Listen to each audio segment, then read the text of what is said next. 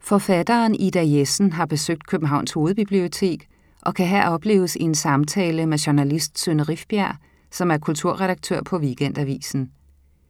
Ida Jessen læser op fra sin seneste roman, Telefon, og besvarer spørgsmål fra det fremmødte publikum. Litteraturformidler Tanne Søndertoft har budt publikum velkommen og fortsætter her med at byde velkommen til Ida Jessen og Sønne Rifbjerg. Jeg har glædet mig rigtig meget til at byde velkommen til aftens to gæster. Uh, allerførst velkommen til Ida Jessen. Tak.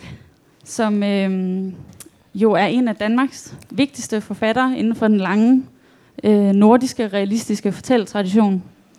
Hun har igennem 11 romaner og fem novellesamlinger inviteret os indenfor hos og ind under huden på sine karakterer med nogle meget stærke psykologiske skildringer og meget sanselige naturbeskrivelser. Hun er inviteret her ind i aften i anledning af hendes nyeste udgivelse, øh, romanen Telefon, som udkom øh, tidligere på måneden. Tid, tidligere på måneden undskyld. Jeg er også rigtig glad for at kunne byde velkommen til Sønne Rifbjerg, der i aften skal tale med Ida. Øh, Sønne er øh, kulturredaktør på Weekendavisen og også kritiker samme sted. Men øh, tag rigtig godt imod dem, begge to. Værsgo.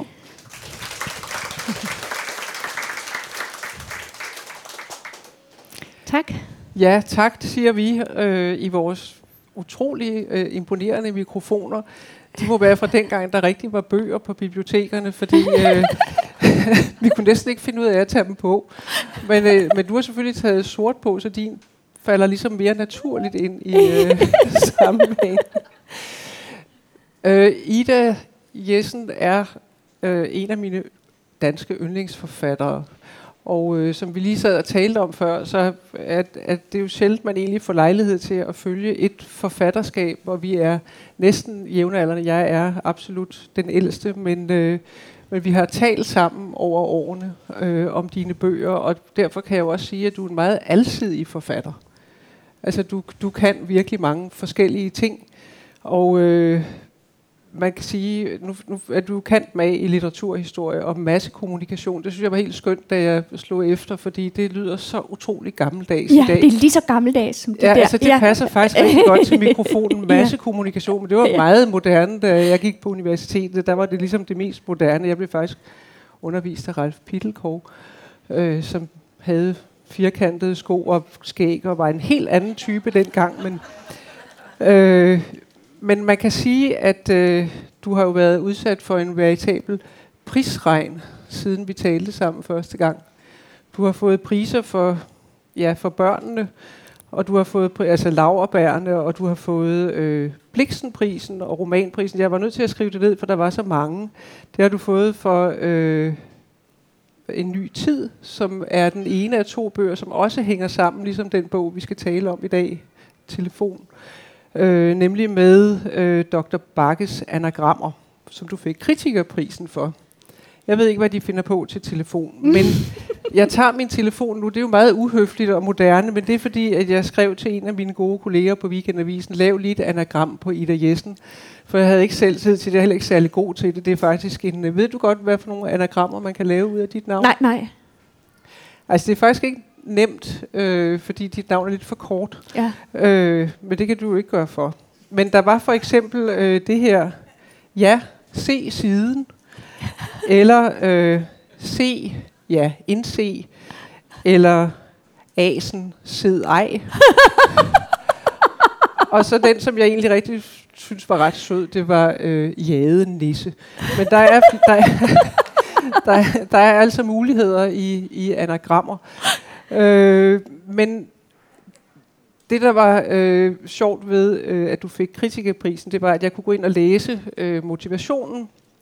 Og nu citerer jeg fra den, at Ida Jessens Dr. Bakkes anagrammer tildeles kritikerprisen 2017, og det er jo ikke længe siden, for sit på en gang præcise og intuitive sprog, og for sit vidunderlige portræt af en gådefuld læge, der ønsker at gøre det rigtige og det gode, men som kommer til at tage livet af fem søskende med difteritis. Den tragedie er hans største hemmelighed, men han har flere. den utrolige balanceakt i Dr. Dr. Bakkes anagrammer er, at Ida Jessen får denne hemmelighedsfulde fortæller til at fortælle om sig selv og stadig bevare hans hemmeligheder.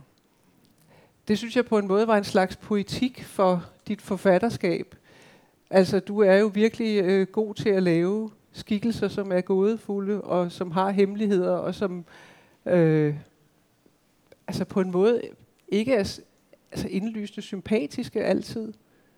Ved du hvad, det tror jeg, jeg har fået ud af, at øh, da jeg var ganske ung, der arbejdede jeg på forlaget Klim, hvor vi udgav krimi, og det var os, der var med til at lave den der krimibølge. Og jeg synes altid, det var meget interessant at læse krimier, indtil vi kom til slutningen, hvor det, slutningen så landede med sådan en tung plask, når at det hele det skulle opklares.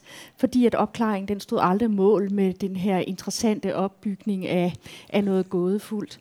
Og øh, øh, der tror jeg, at jeg tænkte i meget ung alder, at øh, sådan ville jeg ikke skrive. At, øh, at man ligesom fik smurt et eller andet ud. Øh, Nå, det er sådan, det hænger sammen. Nå, var det ikke andet?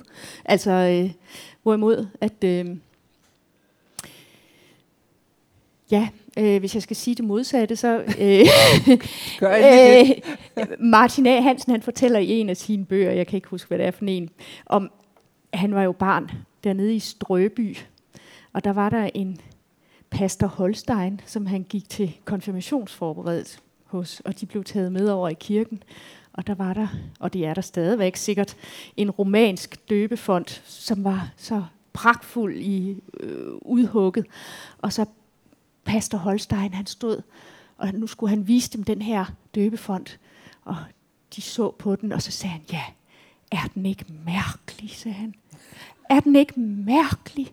Og det blev han ved med at stå og se. Og de fik aldrig at vide, hvad det var, han synes, der var så mærkeligt ved den. Eller, men det huskede de, at jamen, er den ikke mærkelig? Og det synes de også, den var. Og, og, og det er, sådan er det jo med mange ting, at det er mærkeligt. Og at svaret på, hvad det er, der er det mærkelige, det er så fattigt i forhold til den rige undren, man kan have. Den rige undren, det synes jeg er, er en god indgang også til dit forfatterskab. Og, og når jeg nu siger, at du er en alsidig forfatter, så er det jo virkelig rigtigt. Men hvis jeg siger, at dit store folkelige gennembrud kom med byen Vium og alt, hvad der er foregået i den, så er det vel ikke helt forkert? Nej, nej. Der er et før og et efter Vium. ja. og, øh, Men den det opdagede jeg egentlig ikke rigtigt. Jeg var selv så glad, da jeg var ganske ung, bare for øh, først for at få tid til at skrive, og så øh, for min første bog fik jeg vist 3.000 kroner brutto eller sådan noget, så efterhånden så begyndte jeg at tjene lidt mere, så det var sådan, jeg fulgte bare med, og så er det rigtigt, så kom der et vium, hvor jeg hvor jeg begyndte at tjene rigtig penge på at skrive. og, hvor det, og hvor det så blev mere vanskeligt i virkeligheden? Eller? Ja, Ja, nej, jeg tror også, jeg synes, det var svært dengang, øh, da jeg var ung. Altså overhovedet det der med, og hvordan skriver man en roman, det havde jeg svært ved. Altså jeg skrev tre novellesamlinger øh, i rap, øh, og det var, fordi jeg ikke kunne overskue at skrive en roman. Og jeg havde heller ikke tid til det. Altså, nej, for du skulle passe dine krimier på ja, klim. Jeg skulle passe alt muligt andet end at skrive. Så. Men Vium som, som sted, hvordan dukkede det op? Det dukkede op ved, at... Øh, det dukkede faktisk op ved, at øh, ud fra en eller anden form for landskabelig brand, vil jeg sige. Øh, og nu er det jo så mange år siden. men du husker jo godt. Jeg husker jo godt, men det, det er jo mindst 20 år siden. Jamen, det var en landskabelig brand. En eller anden fornemmelse af et landskab deroppe ved Limfjordsegnen, hvor at, hvorfra at jeg ville kunne fortælle alting. Og hvor at jeg ville kunne være helt fri, og hvor jeg ville kunne trække alle propper ud. Og det er øh, der er noget interessant ved landskaber på den måde, at hvis man får installeret sig i et rum, det er der en, det er meget afgørende for, hvad for en historie, der kan udspille sig. Øh, og, og jeg havde jo en drøm om at skrive sådan, øh, jeg ville vise, at man kunne skrive sådan nogle klassiske, realistiske øh, romaner, øh, også om mennesker, der havde det meget dårligt, hvad øh, modernismen jo ellers sådan sagde, det kunne ikke lade sig gøre. Man, øh, det, det sammenbrud, det var nødt til at blive skildret i en sammenbrudt form. Men øh, så tænkte jeg, det, det, at det var ligesom, det ville jeg bevise, at øh, det behøvede man ikke.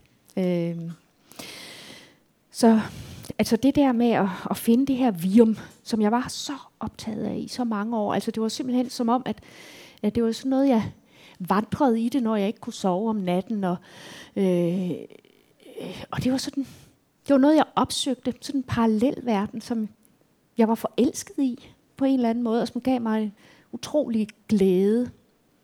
Nu er den jo altså geografisk meget præcis. Jeg har selv nu været tilbage i Vium, både ved hjælp af telefon, men også fordi jeg så har læst tilbage i de andre bøger fra Vium. Ja. Altså det, det er jo veje og bakker og sø og altså højder og, Og fjord fjord, og altså plantager, det, der ja. er, det er, har du tegnet det? Ja, jeg, jeg havde tegnet et kort, øh, som, som jeg kunne færdig i, men det, blev, det var kun nødvendigt øh, til den første bog, og så, så kunne jeg huske det. Øh, men jeg tror, hvis man sådan læser det meget nøje, så, så kan man, man opdage, at der, hov, der er en plantage, der mangler her og der og sådan noget. Så det, men så, Nu er det jo ikke så længe siden, at telefonen er udkommet. Måske skulle du sige to ord om, hvorfor ja. det er, du er vendt tilbage til Vium. Ja, men det er fordi, at, at da jeg havde skrevet øh, Børnene, som er den tredje i øh, den tredje Vium-bog, så var jeg træt og udmattet, og jeg tænkte, nu er det simpelthen nok øh, med det. Øh, og jeg har lyst til at prøve noget helt andet, og hvad det skulle være, det vidste jeg ikke. Men øh, nu vil jeg væk derfra, og, øh, og, og jeg ville skrive det bag på bogen. Det er en trilogi, og nu er den slut. Og så sagde min redaktør til mig, lad være med det, hvis du nu får lyst til at vende tilbage. Og så sagde jeg til hende, det tror jeg ikke, øh, jeg får lyst til. Men det er, kender du ikke det, at nogen rækker noget frem mod en, og så kan man ikke lade være med at tage imod det? Jo, øh, jeg siger ikke hvad, men øh, Ja. Og, øh, og, så, og, så, og så tænkte jeg, det skal i hvert fald ikke være nu, øh, fordi jeg, jeg kunne ikke komme videre med det. Og jeg var ikke klogere, end mine år var dengang. Og så tænkte jeg, "Men nu venter jeg 10 år, og så, øh, så ser jeg, hvad der sker. Så det gjorde jeg. Og da, så de her, da der så var gået syv år, så tænkte jeg, nu begynder det snart at være 10 år. Og, og, der, og der, begyndte jeg, der begyndte jeg virkelig at tænke over, øh, hvordan jeg skulle vende tilbage til Virum. Og, og jeg var efterprøvet mange af personerne, og, øh, og der var det, det slog mig, at, at den pige, der hedder Manne, som er den gennemgående, at, øh, at hun egentlig også var den mest uudfoldede, til trods for, at hun er den mest gennemgående. Og øh, hvordan, hvordan den mest uudfoldede, hun, synes går du? som et, øh, hun går som et, øh, et genfærd igennem alle tre bøger. Altså hun er bare den unge pige, som er meget ulykkelig, og som alle har et eller andet for med, og som hun ikke formår at sige nej til. Mm. Hun formår simpelthen ikke at sige, det har jeg ikke lyst til, det er jeg ikke enig i, øh, pas dig selv, eller lad mig være, eller hun, i det øjeblik, der kommer nogen og vil hende noget, så tror hun, at hun skal, at hun Føje skal, dem. at hun skal føje dem. Mm. Og, og, og hun er jo et ulykkeligt og usikkert menneske. Øhm, og, og det var så hende, som jeg ville vende tilbage til.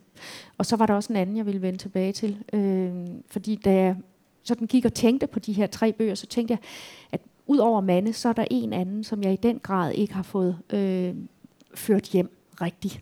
Alle de andre synes jeg sådan set var ført hjem, men det er den præst, der hedder Lisa, fra det første, jeg tænker på.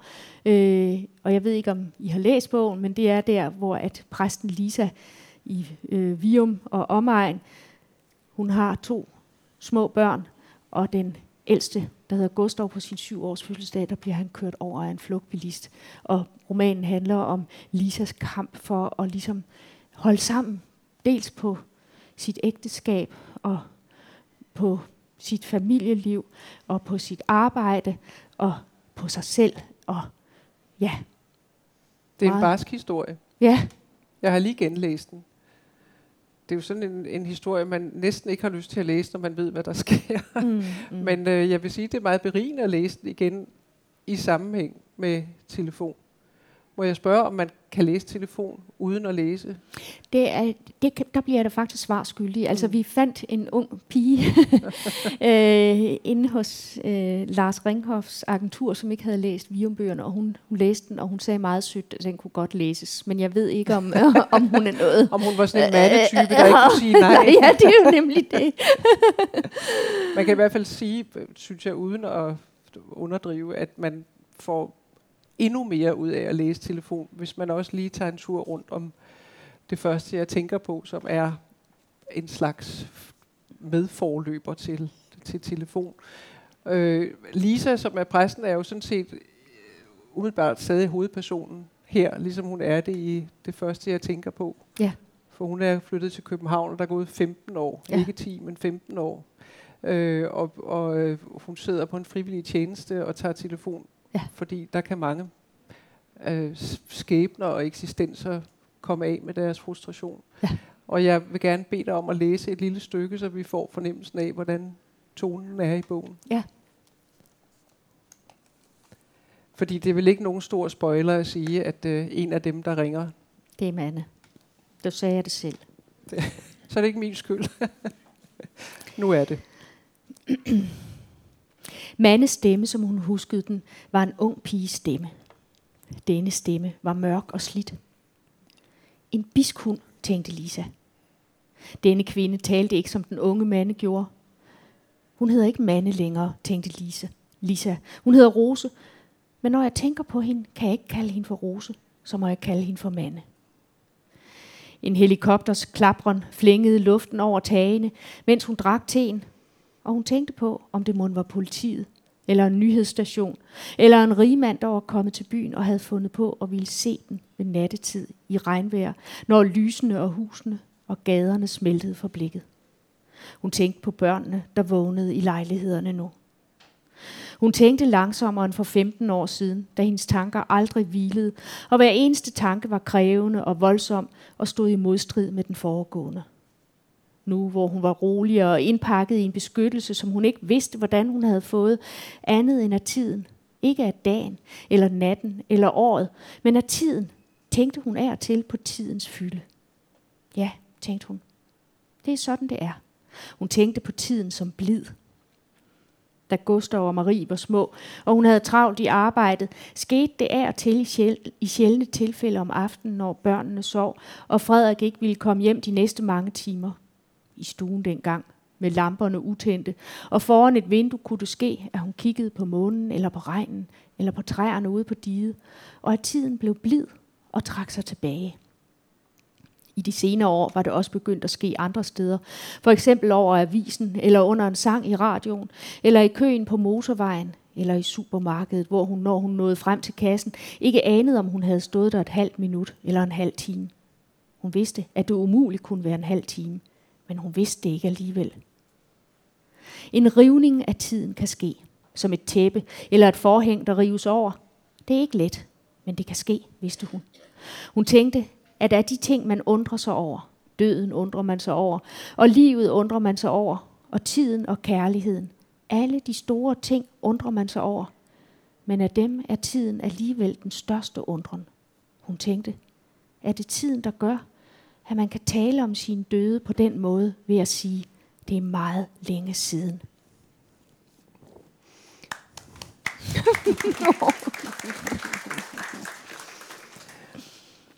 Jeg synes, at det er et, øh, et stykke, der rummer rigtig meget af det, som bogen også handler om.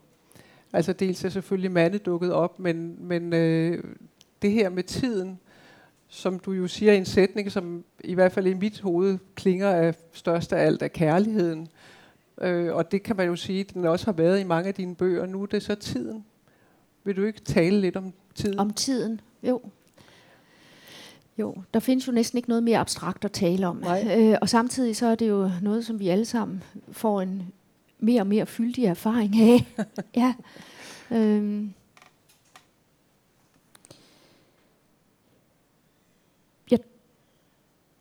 Jeg havde lyst til at skrive om tiden, fordi at vi tit betragter den nærmest som en fjende. Øh, og, øh, og vi betragter den som noget, der æder os og ødelægger os.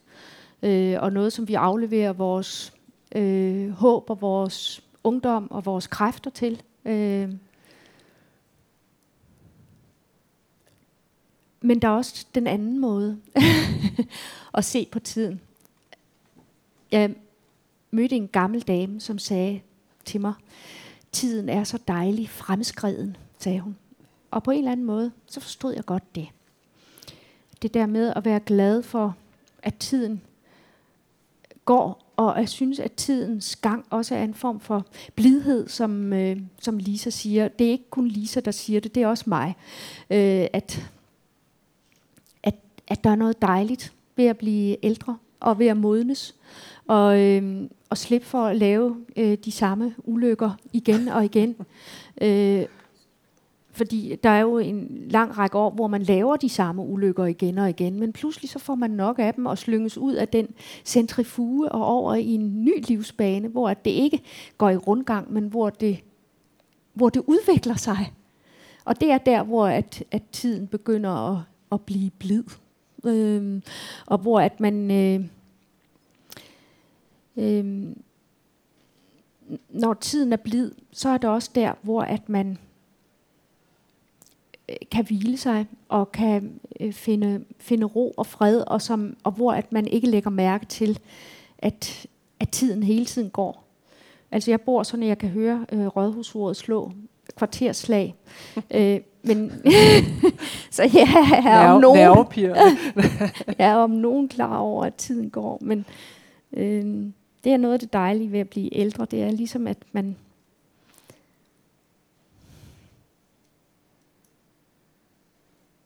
at man, man, kan, man, kan, man kan synke ind af i en eller anden form for fylde, og at det har man, det er det, der er den kæmpe revolutionerende ting ved at blive ældre.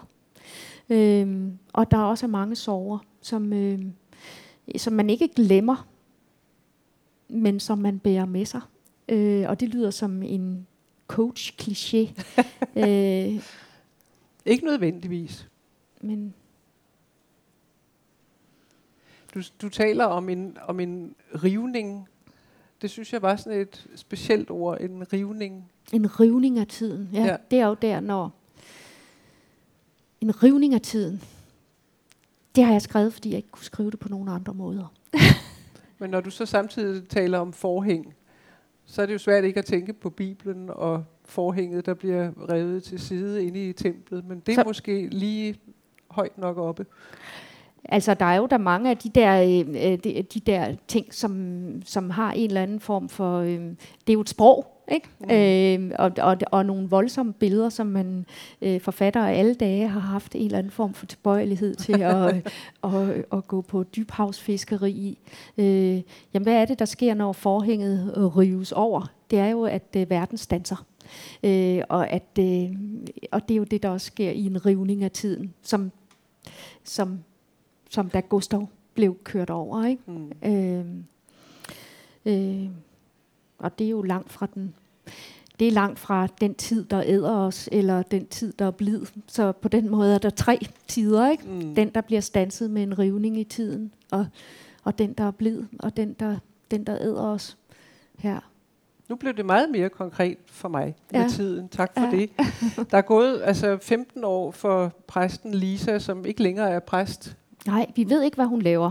Eller det vil sige, øh, det ved jeg godt, fordi at inden jeg lavede den her roman, så, så, så fandt jeg jo ud af alt muligt, som ikke er med i, i, i romanen. Og det er det sædvanlige, at der er, en roman er jo altid meget, meget større end det, som så bliver skrevet ned.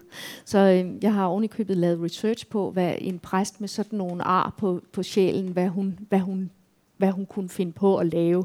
Men det kommer ikke med i, i bogen, fordi at den, blev, den blev skrællet mere og mere ned. Øh, jo mere jeg skrev, jo mere kasserede jeg også, øh, for at nå frem til det der den der nøgne samtale. Øh, ja, det er jo en dialogroman. Ja, det er en dialogroman, ja. Ja. Men, men hun er så nu ingenting, så vidt vi ved. Hun er gift med sin mand stadigvæk. Hun er, der, deres hun ægteskab er, findes, og hun, de har fået et barn til. De har fået et barn til, som, som nu hedder Daphne. Er afsted, ja, mm. som nu er afsted i New York, så hun er alene hjemme, ja. da hun går ind, fordi romanen udspiller sig over fire timer. Det er jo også meget kort tid. Ja, det, den udspiller sig over lidt mere. Øh, den udspiller sig over 9-10 timer. Faktisk. Er det rigtigt? Det er en meget lang vagt, hun har på telefontjenesten. så er det måske bare den del med mande, der udspiller sig over... Ja, den øh, udspiller ja. ja, over ganske Men i hvert fald er det jo en ret afgrænset tid at sætte sig for at folde en handling ud. Ja. Var det også altså, et princip, du satte op, eller som opstod? Altså, altså det, op, det opstod efterhånden, øh, fordi i begyndelsen så tænkte jeg faktisk, at jeg ville følge Manne, og jeg ville leve mig ind i hende. Øh, og efterhånden så, øh, så tænkte jeg, nej, jeg vil lave den som et kammerspil, og det skal være langt fra Vium, øh, for jeg fik sådan næsten helt øh, åndenød, når jeg tænkte på at bevæge mig tilbage i Vium. Jeg ville, jeg ville langt væk fra det. Øh, men samtidig ville jeg jo tilbage. Øh, til personerne, til mere personerne. end til stedet. Ja. ja.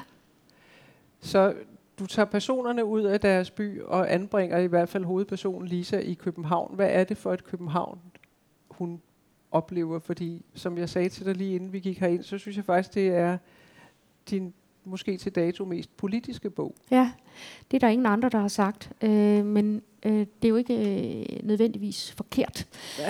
Nej. det var en lille reprimande, men en, en blid reprimande. Men jeg mener ikke politisk som i et manifest, men, men der er en skarphed i den, synes jeg, i, i agtagelsen, for eksempel af byen og dens eksistenser, som er et budskab altså i, i egen ret. Det, øh, noget af det, som øh, Lisa tænker meget på, det er jo det der med, hvordan kan man forsvare, hvordan kan man overhovedet forsvare at gøre så lidt, som man gør, når der er så mange, der lider nød, og som, øh, og som vi jo bliver fodret med på et globalt plan. Og her sidder vi i vores privilegerede hjørne af verden, og den der diskussion om øh, kærlighed og næstekærlighed, det er jo en, der har fyldt utrolig meget øh, de sidste tre år i hvert fald. Ikke? Mm. Øhm, og, øh, og, og dengang, da flygtningene kom til vores land, og det der, jeg tror for langt de fleste, der var det jo et rystende at se de her daglige rapporter på, på fjernsynet, hvor vi så folk, der var bange for Danmark, der ville videre til Sverige i vores trygge øh, land, og, og, og, og der var folk, der rejste over for at køre dem til Sverige, og, og alle flippede på en eller anden måde sådan ud, øh, og, og, og vores liv blev mere ekstremt. Og, øh, og det er sådan noget af det, som, som øh, Lisa øh, tænker meget på, at øh, hvordan rummer man at være et meget privilegeret menneske, og samtidig være vidne til, at når hun går ned på gaden, så ser hun folk, der har det virkelig slemt. Ikke? Og, øh, og hun reagerer så ved at at engagere sig i den her telefontjeneste. Ligesom måske for at få et lille aflad. Mm. Altså at øh, hun det, kan... Ja. Det er jo heller ikke helt fjernt fra den gerning, hun så har forladt. Overhovedet ikke fjernt fra den gerning. Nej. Hun er jo vant til at have haft sjælesorgssamtaler, selvom det her det er en anden form, fordi der sidder hun jo ikke sammen med folk, det er et, et, en stemme, og folk er anonyme, og hun er anonym. Øh, så derfor er der også nogle helt andre helt andre samtaler. Og, og mange af de folk, hun taler med, øh, de har det jo ekstremt svært og er helt bundløst ulykkelige.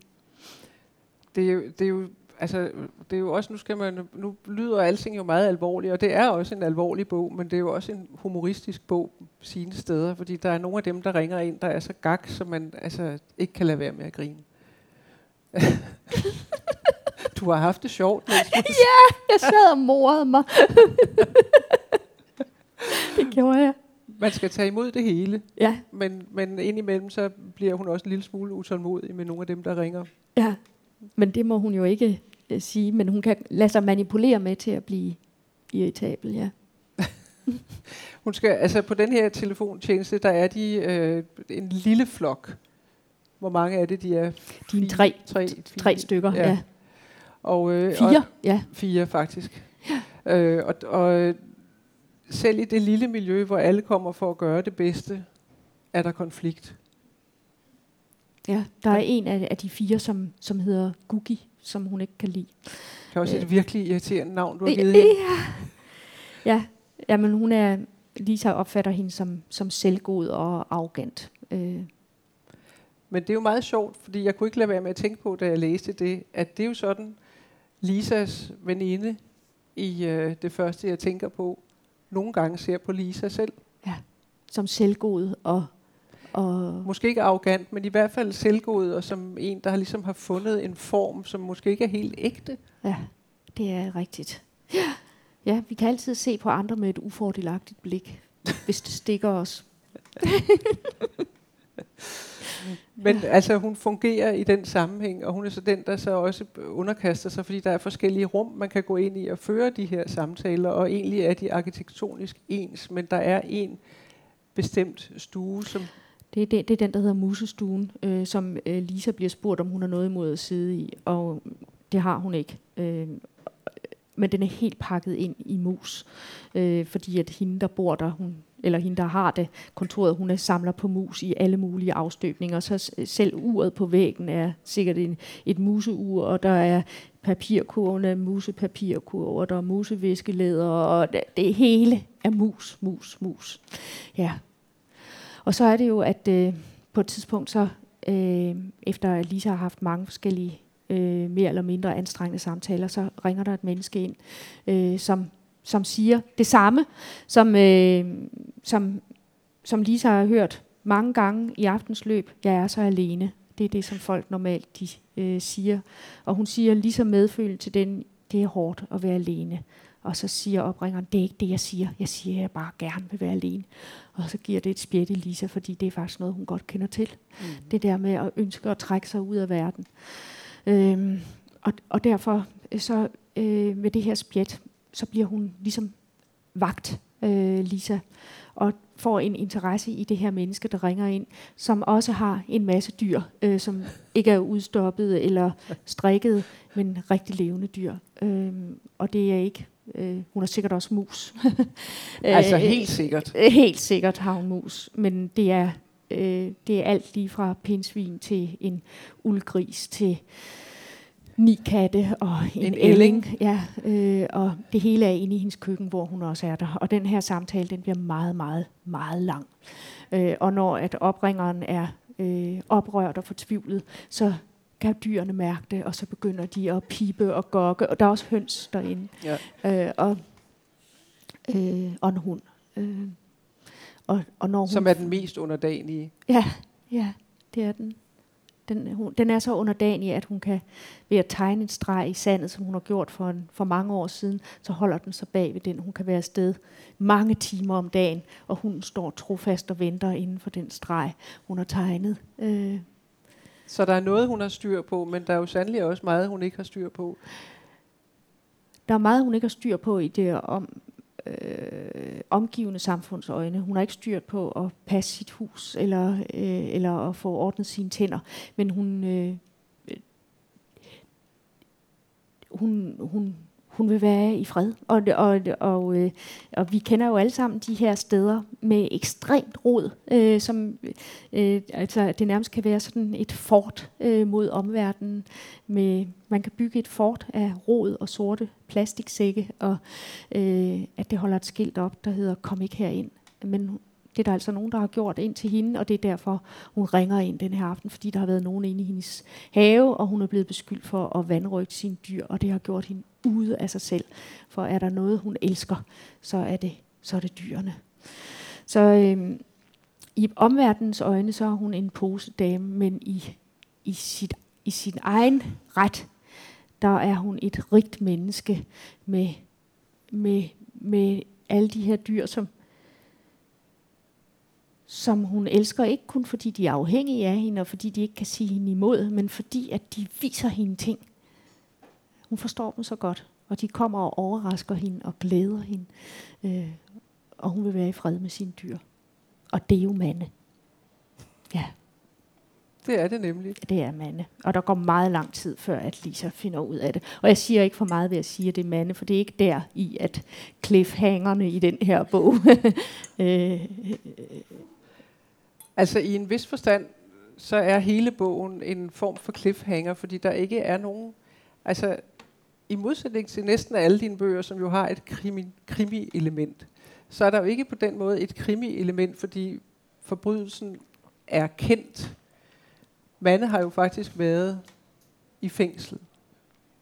Det, der er meget mere af, synes jeg, i telefon, det er øh, en stor samtale om, hvordan kan man tale med nogen, som har forvoldt en smerte?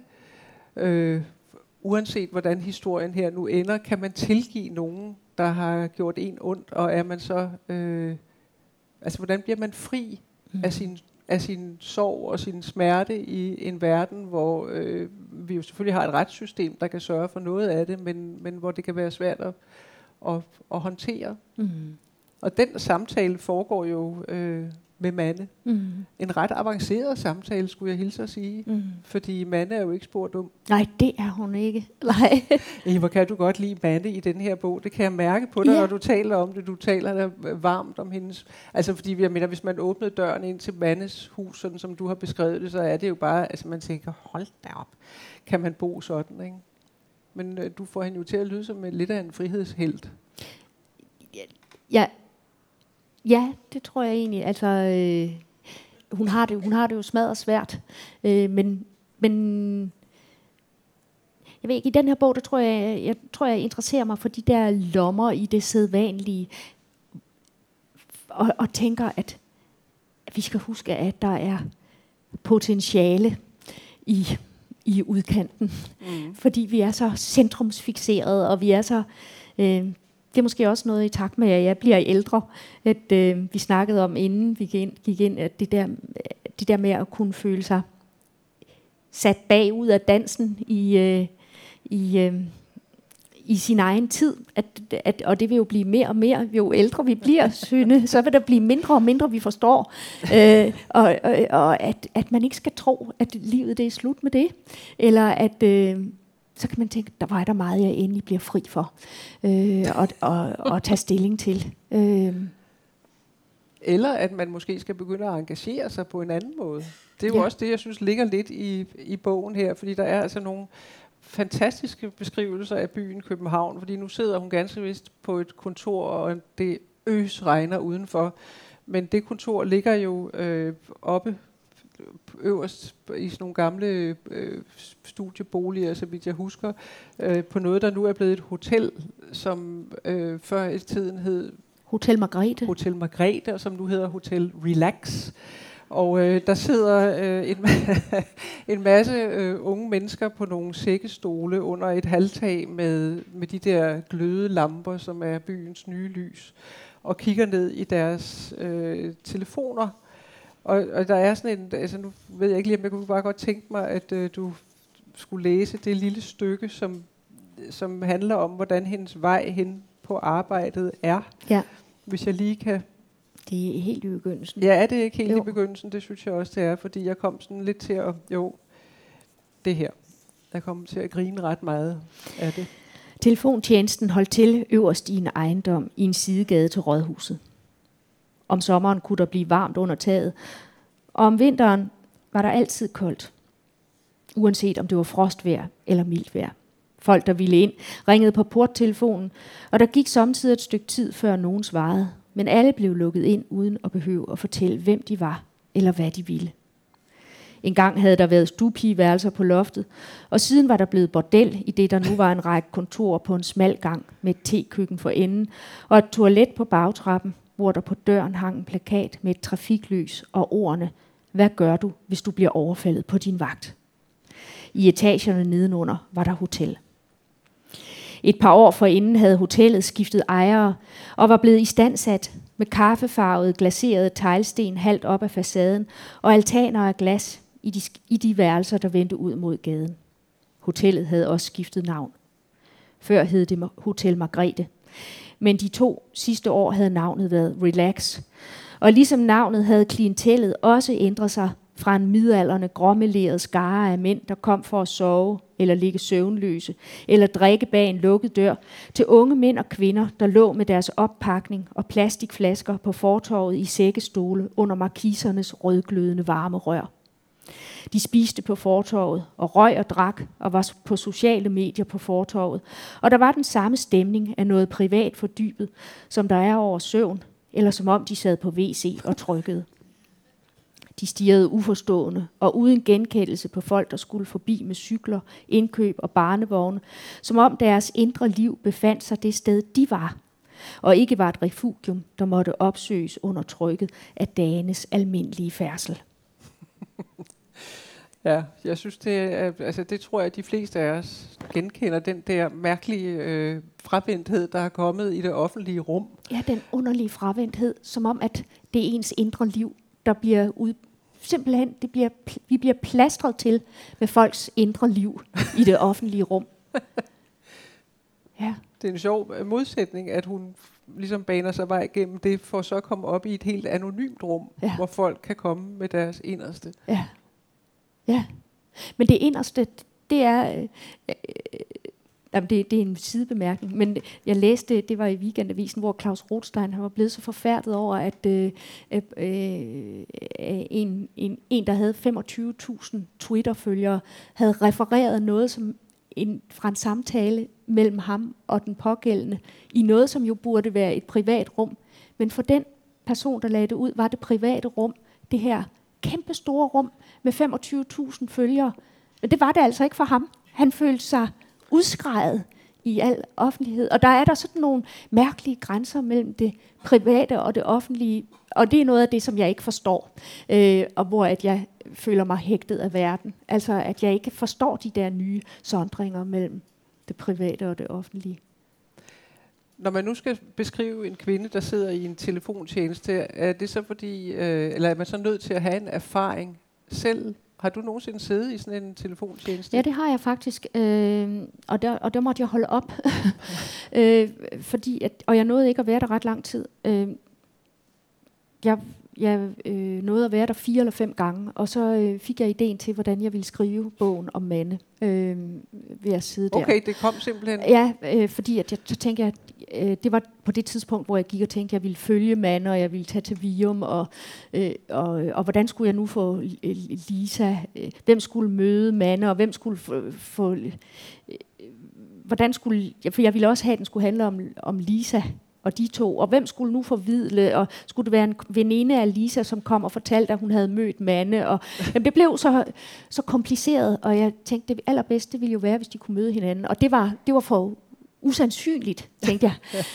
øh, indtil, indtil jeg så kom ind i den her øh, telefontjeneste, og så da den fjerde gang, så lige pludselig slog det ned i mig. Det var sådan, jeg kunne skrive romanen. Og så, øh, så kontaktede jeg øh, lederen af det her øh, sted, og så sagde jeg til ham, at øh, nu har jeg fået uheldigt en øh, romanidé. og det er sådan, at øh, når jeg en sjælden gang får en romanidé, så vil jeg gå igennem ild og vand for den, og jeg vil gøre alt for at beholde den. Øh, og, og så er jeg på den måde ikke tilregnelig, og derfor skal jeg holde op med at være her øh, lige nu. Og øh, og, og det var han helt enig i. så, så jeg blev sådan set sparket ud i samme minut. Hvorfor havde du meldt dig til den? Fordi det havde, har jeg villet i mange, mange år. Øh, og og øh, det har jeg faktisk altid gerne villet, men har ikke synes jeg har haft tid til det. Og, sådan, og, og nu er jeg jo sådan, når man kommer over de 50, så begynder man at få tid til andre ting end, øh, end børnene. Da, end børnene, ja. Det er nemlig sådan. Og det, der er tiltrækkende ved en telefontjeneste i forhold til så meget andet, er? Det, det tiltrækkende ved det, det er, at man, øh, at man lytter. Altså, det er ligesom at høre radio på en måde, ikke? Altså, øh, at man ikke ser. Og der var, også, øh, der var også folk, der ringede ind, som sagde, at de ringede, fordi at de brød sig ikke om det der med, øh, hvis man sidder de synes, det var svært at have venner, hvor man sidder og ser på hinanden og spørger, hvordan har du det? Og så skal man sådan, øh, altså, men at, at kunne slippe for at se på hinanden. Der var, jeg kan huske, der var en, der ringede til mig og sagde, at jeg ville så gerne have en ven, hvor jeg kunne sidde sammen med på en bænk og kigge ud over en sø og snakke, i stedet for at man skal sidde og kigge på hinanden. Og det er også rigtigt. Øh, jeg kan huske, øh, øh, ja, hun lever endnu, jeg har en, en, en tante, der hedder Ida, og øh, vi har indimellem kunnet have lange samtaler, hvor vi sad og broderede, øh, og hun har kunnet meddele mig de mest forbløffende ting faktisk, øh, når vi, fordi vi har siddet og kigget ned øh, i sygtøjet og ikke på hinanden. Det er jo det, man kan med børn. Ja. Med en bamse ja. komme til at tale om nogle tredje ting. Ja. Så at, at have telefonen og den anonyme samtale, det er noget andet. Øh, man lytter rigtig godt. Øh, men man lyver måske også bedre. Man lyver måske også bedre, ja. Altså, øh, man må jo ikke sådan sidde og lyve. Øh, det, det, altså, i sådan en telefontjeneste, det bliver man indprættet. Nej, du må ikke. Nej, nej men det er klart. folk, der ringer ind, ja, det tror jeg. Jeg tror ikke, de ringer for at lyve, nej. Jeg tror, at det, anonymiteten betyder, at de siger ting, som som de ellers ikke ville sige. Jeg synes, det er en, en fantastisk tanke, at du øh, faktisk bliver hensynsløs, når du skal skrive dine bøger. Ja. Har du været det fra, fra begyndelsen? Ja, ellers så kan man ikke. Øh, man kan ikke skele til siderne og samtidig øh, lave kunst. Der skal være et eller andet kompromilløst. Hvis det er sådan, man er bange for, at man gør nogen fortræd med det, øh, eller tænker, er der nogen, der vil synes, at det er dårligt, og hvordan behager jeg nu den og den, så er det ligesom, når der er for mange kokke, der fordærver maden. Altså, det skal være et temperament, og man skal gå fuldstændig benhårdt efter øh, at formidle sit stof så godt, som man nu kan. Og det, det gør man ikke, hvis man tænker på, hvordan at andre vil opfatte tingene. Så kommer det så, når den kommer fra fra binder og fra tryk og sådan noget, så begynder man at tænke, åh oh, nej, hvordan, hvad er det nu, jeg har skrevet der? Og, og hvad, vil nu, hvad, nu, hvad nu vil min søster sige til, at jeg har hugget hendes erindring, eller, øh, sådan, og, eller sådan nogle ting. Ikke? Øh, men, men, men, men, når, men, men når jeg skriver, og jeg er ikke den eneste, der har det på den måde, så glemmer man faktisk det. Altså man, man er ikke sig selv, øh, og på den måde ikke tilregnelig. Man, man bliver en anden. Men jeg synes også, der er en tråd til det, at du øh, på et tidspunkt flyttede dig til Vium, en fiktiv by, som ikke lå det samme sted, som, som du som er, min barndomsby, er vokset ja. op. Ja, og det gjorde jeg jo, fordi at folk i Tyregod ikke skulle gå og spørge sig selv, er det nu mig, der er øh, beskrevet her, fordi at... Øh, er det mig, det, der er Lisa? Ja, er det mig, der er Lisa? Det, det skulle folk ikke gå og belemme os med. Men du er alligevel flyttet tilbage til Tyregod ja. i dit forfatterskab. Ja, det du kunne jeg. ikke holde dig væk. Nej, jeg kunne ikke holde mig væk. Men det var, så gjorde jeg det i, i, i historiske romaner. De foregår jo der i, mm. fra, fra omkring 1900 til 1930. Så ja, og det altså, var sjovt. I den med anagrammerne ja, og den nye tid. Ja, ja. Ja. Hvad, hvad fik du ud af at være tilbage? Jeg fik et fuldstændig forsonligt blik på min barndomsby øh, hvor jeg har kendt den fra 70'erne, hvor den jo sådan, det var jo den gang, hvor at øh, provinsbyerne begyndte at dreje nøglen om, og jeg kan huske dengang, der var alle mulige specialbutikker, og to slagter og så videre, og, og to bager og skrædder og øh, ja, det er nogen, det er ikke nogen stor by. Nej, der bor tusind. Og nu er, nu er der jo ikke andet tilbage end en døgnkiosk og, og en brus. Og et øh, solarium. Og et solarium. Ja, det er der. Ja, det plejer at være standard. Ja, men det er der også. Øh, men der var tæppehandler, der var guldsmeder og alt sådan noget. Så jeg kan huske den der nedlukning. Så jeg husker den fra en nedgangsperiode. Og, og, og at se den fra opgangsperioden, det var interessant at se. Og, og begynde at studere det der med, hvilke tanker ligger der bag, når man virkelig tager fat på at bygge noget op. Så er man tit drevet af den største nød, Altså så er det fordi, man ikke har noget. Og det er, når man har glemt, hvor besværligt det er, hvor meget det kræver af et fællesskab, så er det, man begynder at lukke ting ned og glemmer at kæmpe for at, at beholde dem. Øh, og og øh, på en eller anden måde, så havde jeg så skrev jeg den også for at finde frem til en eller anden form for tidsmæssig optimisme, at øh, der er opgangstider, der er nedgangstider, og så kommer der opgangstider igen, øh, fordi sådan er mennesket. at når vi har lukket nok, så begynder vi at åbne igen. Øh, jeg tror, at jeg tror, at jeg bliver mere og mere optaget af potentialer, egentlig. Øh, du var ikke så glad for at vokse op i Tyregod? Nej, det, jeg, jeg var ikke glad for det. Altså, jeg synes, øh, der var ikke... En, min storsøster sagde, Ida, hun var for avanceret til at vokse op der. og det synes jeg var så pænt sagt, så derfor så, jeg havde bare en følelse af at være udenfor. Ja. ja. Så avanceret bedre, det synes jeg også. Ja, det, det, det lyder det er godt. bedre. det er en god søster, du har. Ja, der. jeg har en vældig god søster. Men i det hele taget har du jo en god familie, for du har også arbejdet sammen med din mor, som ja. oversætter, som er en anden facet af dit øh, meget flittige forfatterskab. Ja, vi har jo lavet Alice Monroe ja. øh, sammen, og haft det vældig skægt med det. Fordi det er også sådan en måde, hvor man slipper for at sidde og kigge hinanden ind i øjnene og spørge.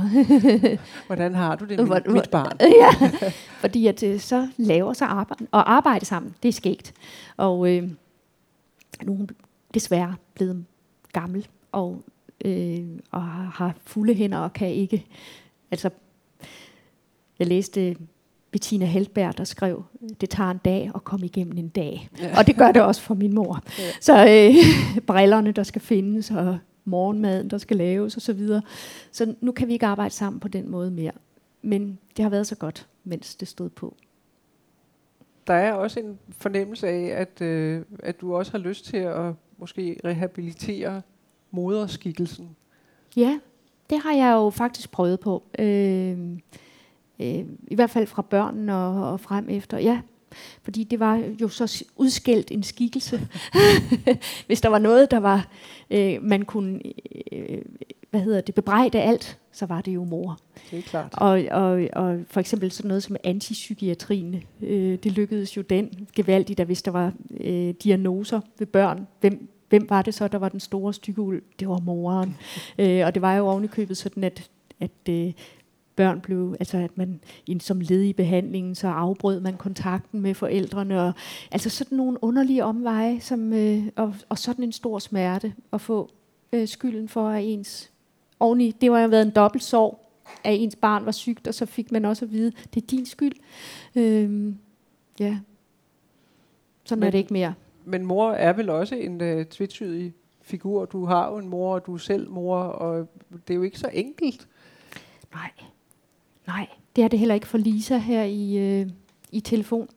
Øh, hun har da virkelig også, øh, der er Marie, som øh, kun var fire år, da Gustav blev kørt over, og som selvfølgelig har stået i skyggen af sorgen, af, sorgen, af, af, af brorens død, og som, øh, som Lisa kan længe så forfærdeligt efter, som det lille barn, hun var dengang, og så hun kan ønske sådan, bare jeg kunne løfte hende op på armene nu. Og hun ved, at der var en, der gjorde det, og det var Manne. Men Manne forsvandt så pludseligt, og Marie var så lille og kunne ikke forstå det. Nej, det gør ondt for hende at tænke på.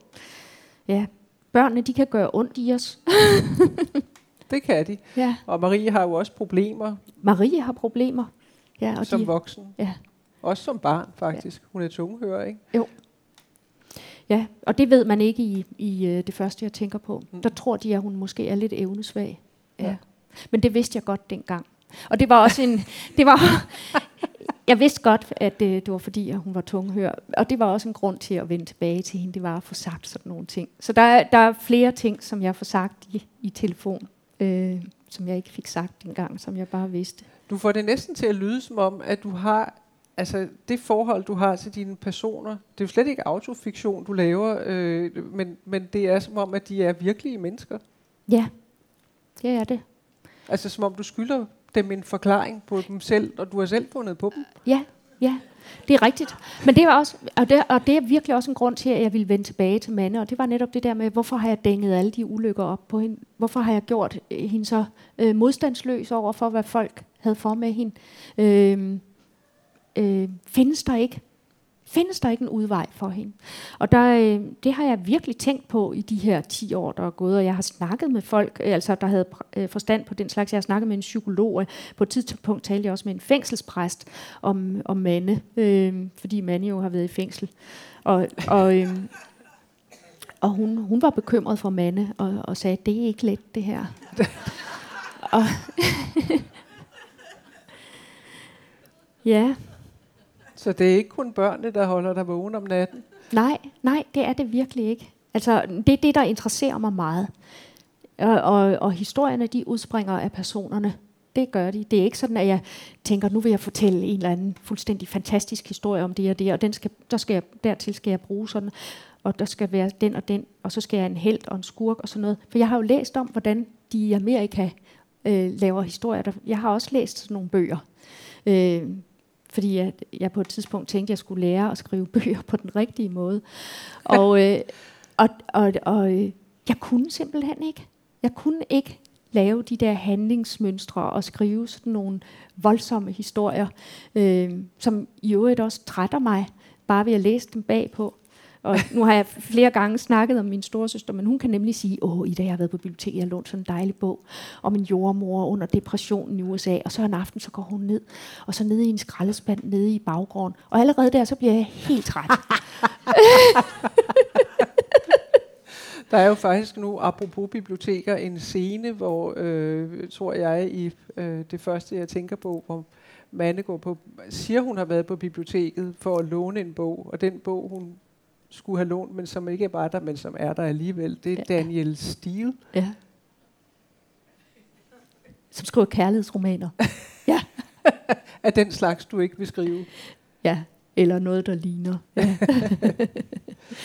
nu var det ikke mange sekunder før, at det er jeres tur til at spørge Ida Jessen om hvad som helst, næsten inden for anstændighedernes øh, grænse. Jeg har prøvet at lægge en anstændig stil, men, øh, men I som sidder her og sikkert har læst øh, rigtig mange af, af Ida Jessens bøger, er velkomne til at melde jer, og det er altid frygteligt at være den første, men jeg er den første, og derfor er I kun nummer to, øh, der skal spørge om noget, og Ida er utrolig flink til at svare. Så hvis I har noget på hjerte, ikke hjertet, som mange siger, fordi det vil vi ikke have i vores alder, så, så spørger I bare. Nej, vi vil ikke have noget på nej, hjertet. Nej, det vil vi sgu ikke. Det vil vi ikke.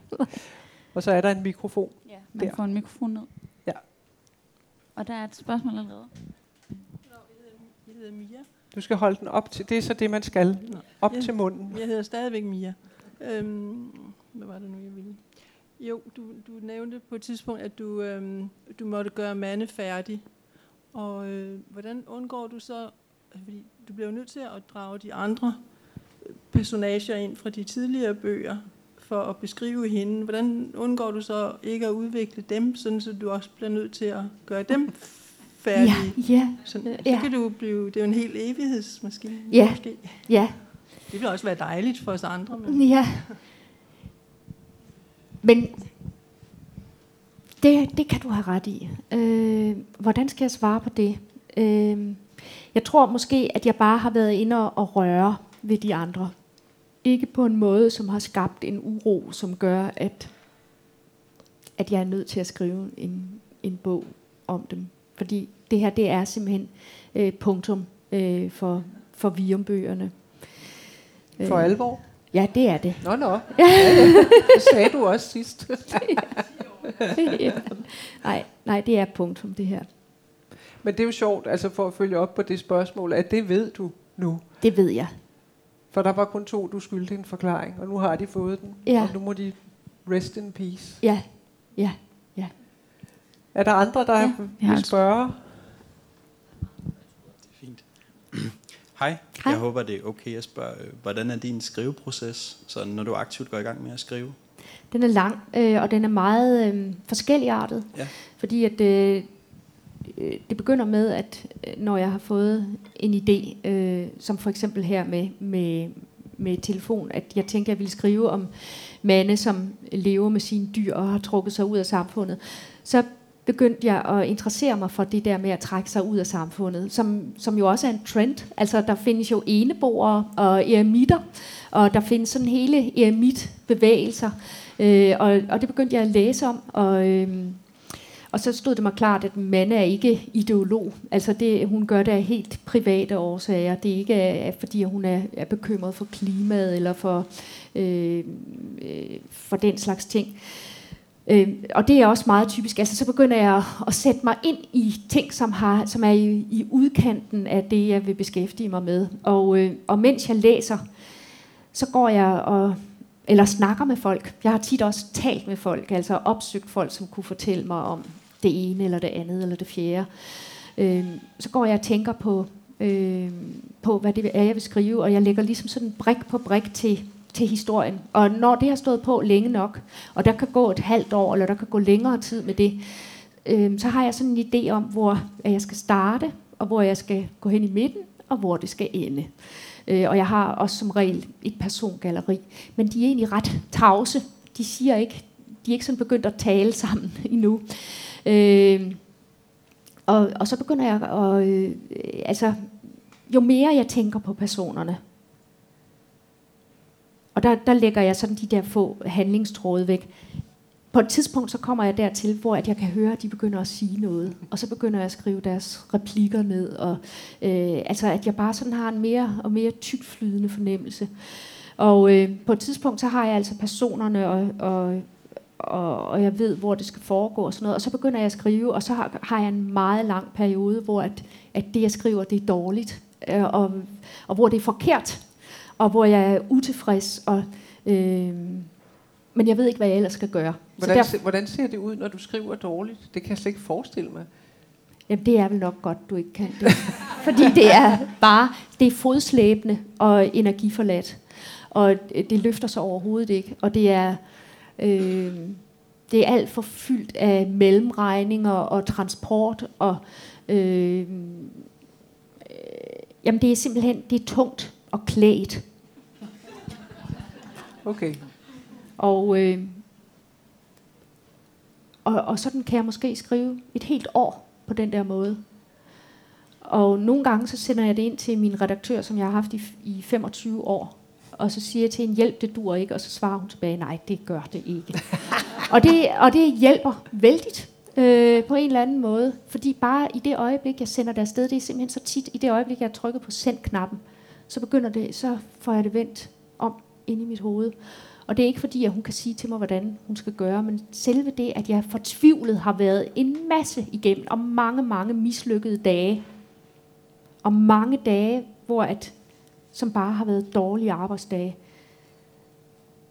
så, så kan jeg ligesom, så bliver det sådan en eller anden stor, nærmest uaffyret bøvs, eller sådan.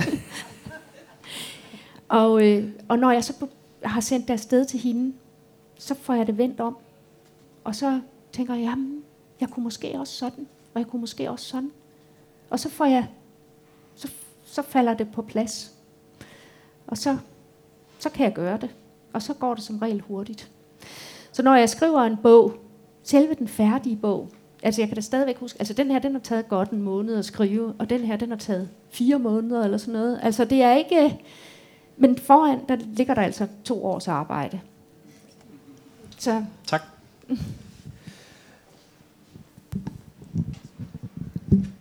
Nu siger du, du er færdig med Vium. Jeg kan godt tænke mig, er du også færdig med Manne?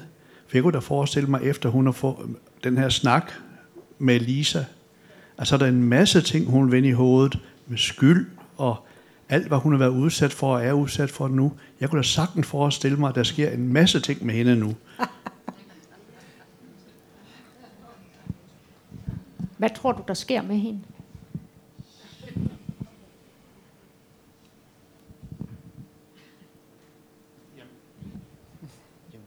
Der kan vel være to muligheder. Enten har hun vendt de, øh, verden ryggen og er, er en af borderen, som hun åbenbart trives godt nok med. Så kan man jo stille spørgsmålet, jamen hvem trives, trives hun nu godt nok med det? Eller ser hun pludselig nogle muligheder? Ser hun pludselig noget potentiale i sig selv, som hun kan vende til noget andet, med måske hjælpe andre. Ja. Men det sjove er, jeg tænker, hvis jeg må sige, det første jeg tænker på, når du siger det, det er, at det er der jo ikke rigtig nogen konflikt i. Nej, det er jo interessant. Altså, men, og det var jo også noget af det, som jeg tænkte på, dengang jeg ville skrive den her bog. Nu vil jeg prøve at skrive en, hvor der ikke er de sædvanlige øh, øh, konfliktstof. Altså jeg ville simpelthen prøve at beskæftige mig med noget, som øh, man med et grimt ord kan kalde for opbyggelighed. Ikke? Øh, øh, at, at det kan også gå en god vej. En, en vej, hvor vi får håb, og hvor vi får trøst. Og øh, det findes også. Og, og tit så øh, beskæftiger litteraturen sig ikke så meget med det. Og det er der en kæmpe udfordring i at, at beskæftige sig med. Altså, litteraturen er jo meget bange for lykkelige slutninger, øh, og, det, og, og det kan, de kan også være ekstremt påklistret. Øh, og det var, det var heller ikke, jeg har heller ikke, øh, det er ikke, jeg har ikke nået, jeg har ikke været interesseret i at skrive en lykkelig slutning. Jeg har været interesseret i at skrive om noget, hvor at mennesker når hinanden, og hvor at, at det har en afgørende betydning for, for dem.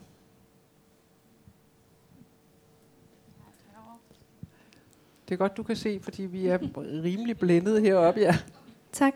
Øhm, jeg kunne godt, nu har du jo snakket rigtig meget om dine romaner, men du har jo også skrevet rigtig mange novellesamlinger. Og jeg er bare sådan nysgerrig på at spørge dig om, om du kan sige et eller andet. Hvordan er det, du ved, øh, at det her det bliver det er stof til en roman eller stof til en novelle, og arbejder du på en anden måde med det, eller er du gået helt væk fra at skrive noveller, eller altså sige lidt om, om novellerne også, fordi Novellegenren er, jo, er jo en helt anden genre end, end romanformen. Øh, og øh, jeg kan godt lide at skrive noveller, og jeg kan simpelthen også godt lide at læse dem. Øh, og jeg kan egentlig ikke sige dig, hvorfor jeg bestemmer mig for at skrive noveller. Altså det er nærmest sådan et novelle-modus, man kommer ind i, hvor at man opfatter ting i novelleformen. Som, og, øh, altså, jeg tror nærmest, det må være ubevidst for mig. Øh, fordi indimellem, så sker det, at jeg bliver utrolig interesseret i noveller, og så begynder jeg at læse enormt mange noveller, øh, og, og, og begynder at opfatte igen i den der novelleform. Øhm, og da jeg skrev En ny tid, som er den første af de her historiske romaner, som foregår i Tyregod, der havde jeg egentlig troet, at jeg skulle skrive flere novellesamlinger. Og så tænkte jeg, nej, nu har jeg lyst til at prøve kræfter med den der store form igen, hvor man kan operere med det der lange øh, snit. Øhm. Tak. Ja, jeg tror ikke, jeg kan svare dig på det. Men det er måske også noget med, at du er i så god form nu til at skrive romaner, så du kan slet ikke tage den korte distance, som Nej. novellen jo også er. Nej. Altså, der er jo meget, der skal rundes af i en novelle på kort tid, ja. hvor man kan, altså i en novelle kan man lidt ligesom i et digt ikke tillade sig at have nogen løse ender, men man kan jo godt glemme en plantage i en, i en roman, uden at nogen bliver rigtig sure over det. ja. Der er mere plads, ikke? ja. ja,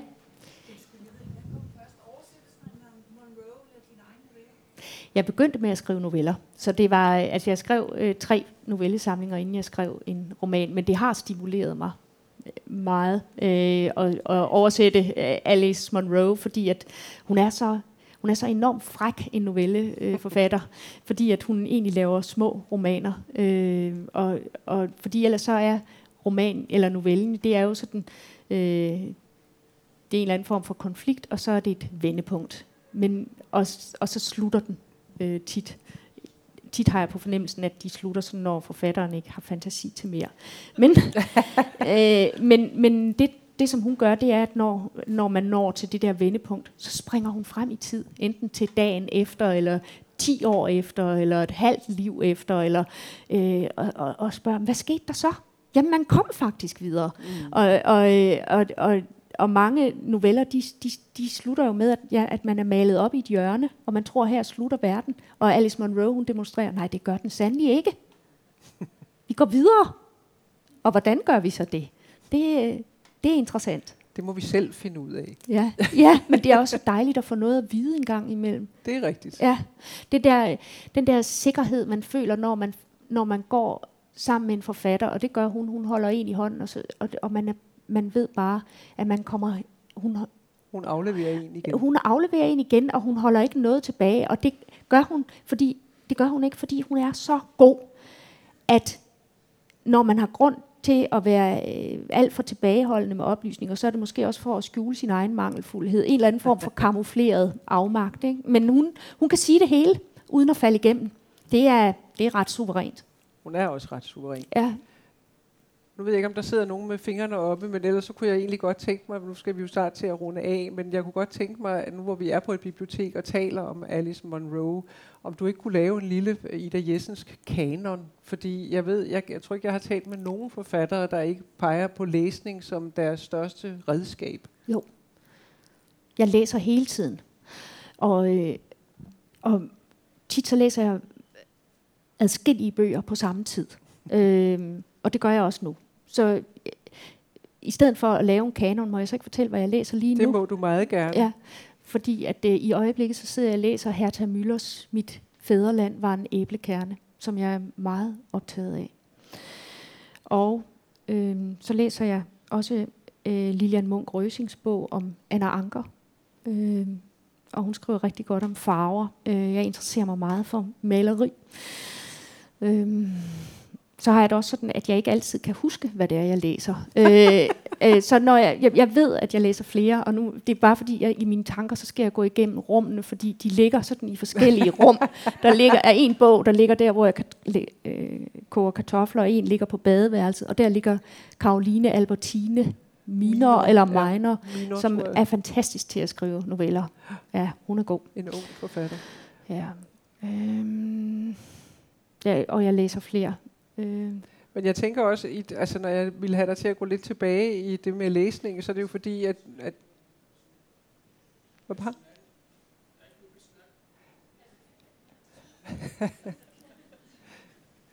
Der mangler personale. Det kan, det kan biblioteket Nå. jo ikke gøre for. Det er sikkert skåret væk. Ja. Men, øh, nej, jeg tænker på, hvordan... Altså, Alice Monroe kommer jo ind i samtalen, fordi øh, at...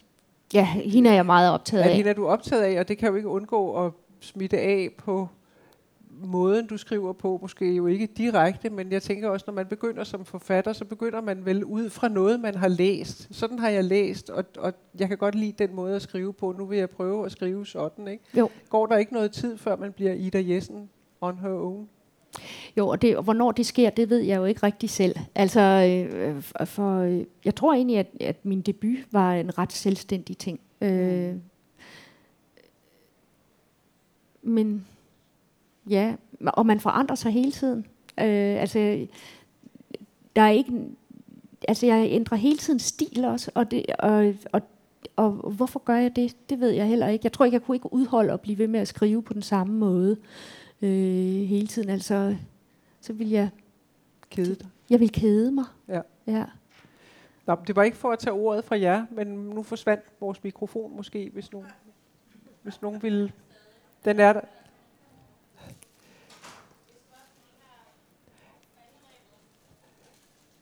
Spørgsmål fra salen? Ingen spørgsmål fra salen. Så tænkte jeg på, øh, jeg ville egentlig gerne slutte af med, at du læste slutningen af din bog, og det kan man jo gøre, synes jeg, fordi der, der ikke er nogen på den måde konklusion, men den er meget smuk. Slutningen, apropos det der med at øh, skrive noget, der kan give håb. Mm. Hvad siger I til det? En øh, godnathistorie lidt tidligt på, på aftenen?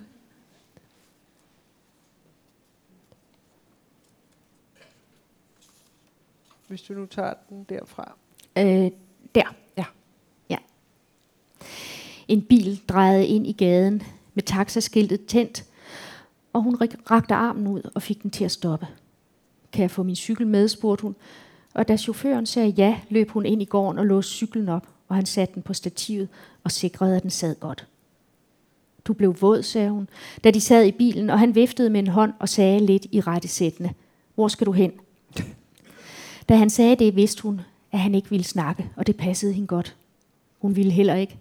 Hun sagde sin adresse, og de kørte ned for enden af gaden og drejede til venstre, mod vejene og bryggerne, og radioen spillede så sagte, at hun ikke kunne høre musikken, men bare mærke den. Ikke som noget, der trak eller rykkede, men som noget, der holdt. En hånd, tænkte hun.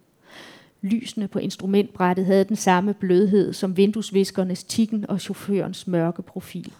Han kiggede ud på vejene og førte dem igennem byen, og hun så ud på husene, hvor kontorer og forretninger, da de kom til søerne, blev aflyst af boliger, og hun så på lysreklamerne med hønen, der lægger sin æg. Den ville lægge æg helt til det blev morgen. Det gyngede under hende, som når man træder i land. Samtidig, når hun havde spurgt sig selv, om man har ret til at være i verden, når man ikke forstår den, fordi verden forandrer sig, og man ikke forandrer sig med den, havde hun været i tvivl om det, og hun havde aldrig fundet noget svar. Men det drejede sig ikke om ret, tænkte hun. Hun så ud på vinduerne.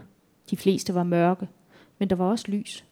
Og hvad enten det var mørkt eller lyst i de vinduer, de kørte forbi, fortalte de om kraftanstrengelsen ved at leve, om kærlighedens anstrengelse, om at vågne ved et bump i mørket og om morgenen skulle op til ny dag. Det er det, der viser sig. Ja, tænkte hun, det viser sig. Hun lå pludselig for sig selv. En overrumplende rivning. Det, man ikke kan tige om, om det må man tale.